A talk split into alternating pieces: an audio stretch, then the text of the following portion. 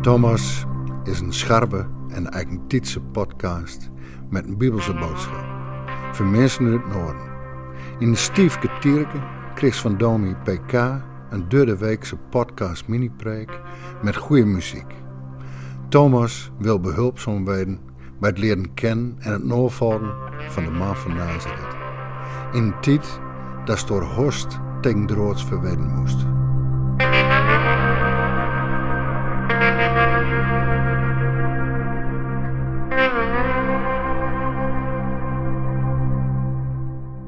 Kan jij ook zo genieten van de natuur?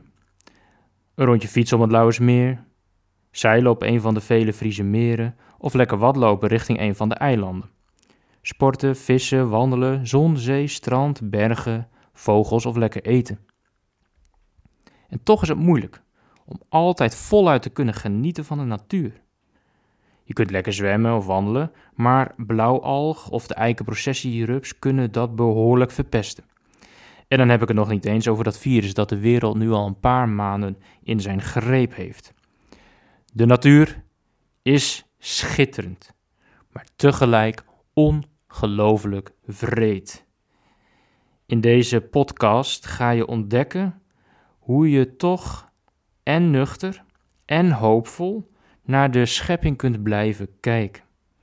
Zonder je ogen te sluiten voor de problemen, kan je blijven genieten. Je zult namelijk merken dat God door Jezus Christus opnieuw is begonnen met zijn schepping. En dat hij er zuchtend bij is door zijn geest op de momenten dat je je even niet zo gelukkig voelt. Als je dat doorkrijgt, heeft dat direct impact op jouw manier van leven met God, je naaste en de schepping. Het thema bij deze podcast is: zucht maar, wacht maar.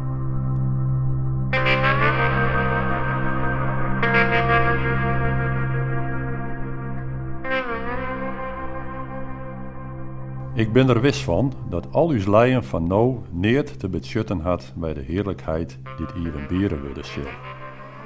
Want de hele schepping wacht het, ja, longer het erop dat onder het licht komt wat Gods baan binnen. De schepping is ommers onder de zinlezersrekken net uit eigen vrije wil, maar omdat hij, die haar onderworpen had, het zou woeën. Maar de bloed hopen want de schepping zelfs zal bevrijd worden uit de slavernij onder vergonkelijkheid om tot de vrijheid te komen die jet bij de heerlijkheid van Gods ben. Want wij weten dat de hele schepping ontnota maaien was stint en in een vlegen leidt als een vrouw die een ben kriegt. En net alleen de schepping, maar ook wij zelfs, die te eerst als eerste jef te kriegen hebben, zucht je in u zelfs. Wij wachten er nog op dat God u station bijmaakt en uw ietske besteen bevrijdt. Want terug de hopen binnen wij behouden. Maar als men als sjocht dat men op hoopt, dan is het geen hopen meer. Want waar hoopt nog op wat er al sjocht? Maar als wij hoopje op wat wij nog net sjochen, dan wachten wij daar geduldig op. Krekza springt de geest dus in uw zwakkens bij. Want wij weten het iris wat wij neffens rucht bidden moeten. Maar de geest zelfs pleit het voor u, mij zuchten, dat geen woorden voor te vinden binnen. En God, die de mensen in het het zocht, weet waar de geest op begin is, dat er neffens God Gods bedoeling voor hilligen in de pleit giet.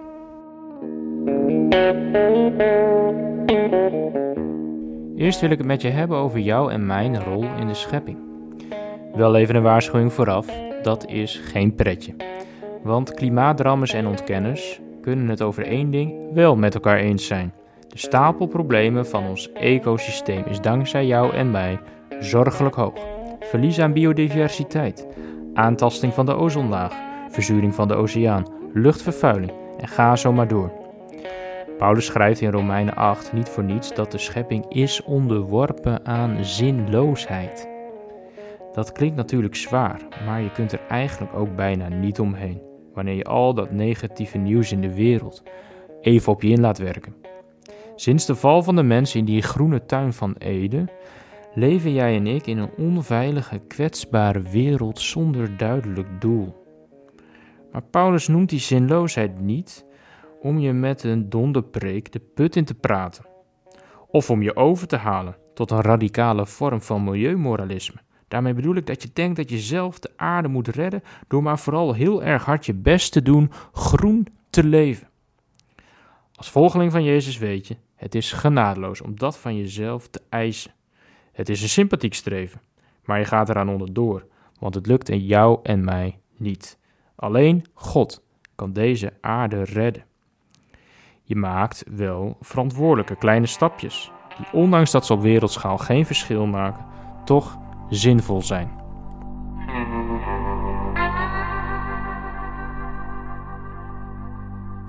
Ondanks de pittige spierballentaal van Paulus is hij geen zwartkijker.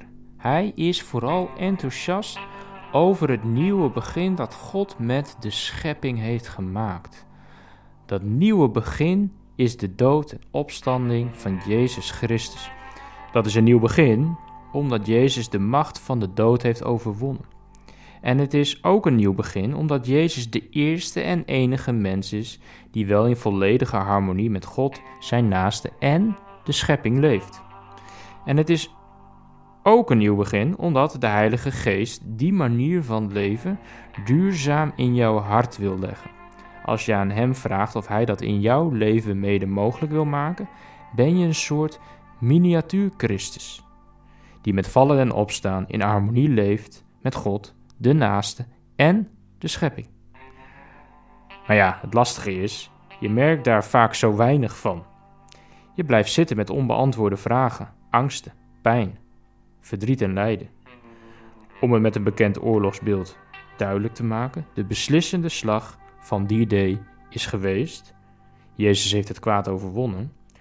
Maar de oorlog tegen het kwaad is nog niet voorbij.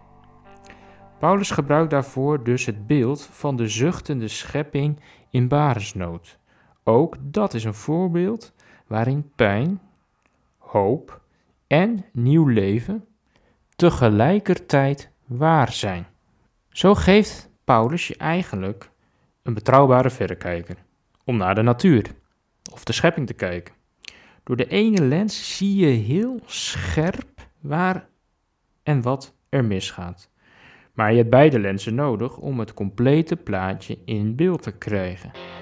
Dan zie je niet alleen scherp waar het misgaat, maar met beide lenzen ook waar het hoopvol naartoe gaat.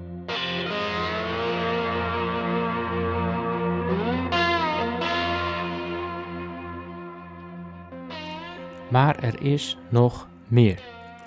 Want niet alleen jij en ik zuchten en de schepping, maar ook de geest zucht. Dat klinkt een beetje zweverig misschien, maar het is goed nieuws. Want het betekent dat God niet op een afstandje naar de leidende schepping en jouw verdriet of ellende kijkt, maar dat Hij naast je komt zitten en van jouw smart gedeelde smart maakt.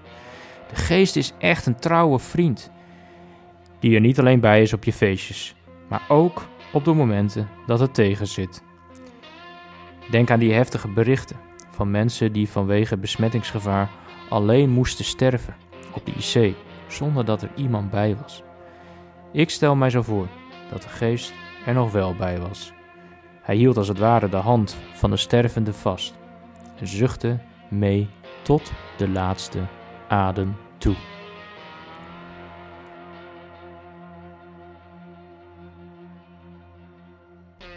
Zucht maar, wacht maar. Dat klinkt denk ik nog een beetje vaag en mysterieus. Heb je er ook iets aan voor je dagelijkse leven? Nou, om dat duidelijk te maken kan je denken aan zo'n oude Friese, Drentse of Groninger kerk op een terp, met daaromheen vaak een oude begraafplaats. Daar zie je de boodschap van Romeinen 8 in één oogopslag. De dood en het lijden zijn er niet weggestopt achter een heg of hoge muur aan de rand van het dorp. Nee, de pijn, het lijden en het verdriet mogen er zijn, zijn onderdeel van het leven en worden niet weggemoffeld. En tegelijk wijst de toren van de kerk wel hoopvol omhoog als teken van leven. Nou, je kunt je vast wel voorstellen dat die manier van kijken impact heeft op je manier van leven. Doordat je en hoopvol en nuchter in het leven staat, kan jij omgaan met verschillen. Binnen en buiten de kerk. Je doet je op social media niet beter voor dan je bent. En je raakt niet direct in paniek of gestrest als je je even of misschien langer niet gelukkig voelt. Het lukt je soms zelfs om pijn en lijden te verbinden met God. Bij jou thuis, op het werk en in jouw familie- en vriendenkring is wel ruimte voor fouten maken, vergeving en herstel. Je houdt het nuchtere midden tussen aan de ene kant opdringerige oplossingsgerichtheid en aan de andere kant passief cynisme. Als er iets gebeurt wat jou frustreert, tel jij eerst rustgevend tot 10 en zucht je mee met de geest bij wijze van meditatietechniek.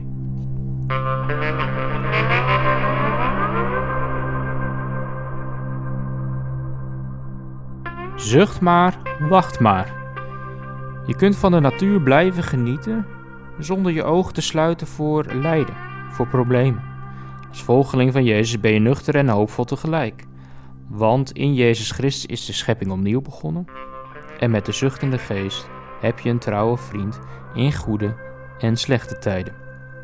Ik hoop dat je wat mee kan, wanneer het goed met je gaat, maar ook wanneer je zelf met de kwetsbaarheid van dit leven te maken krijgt.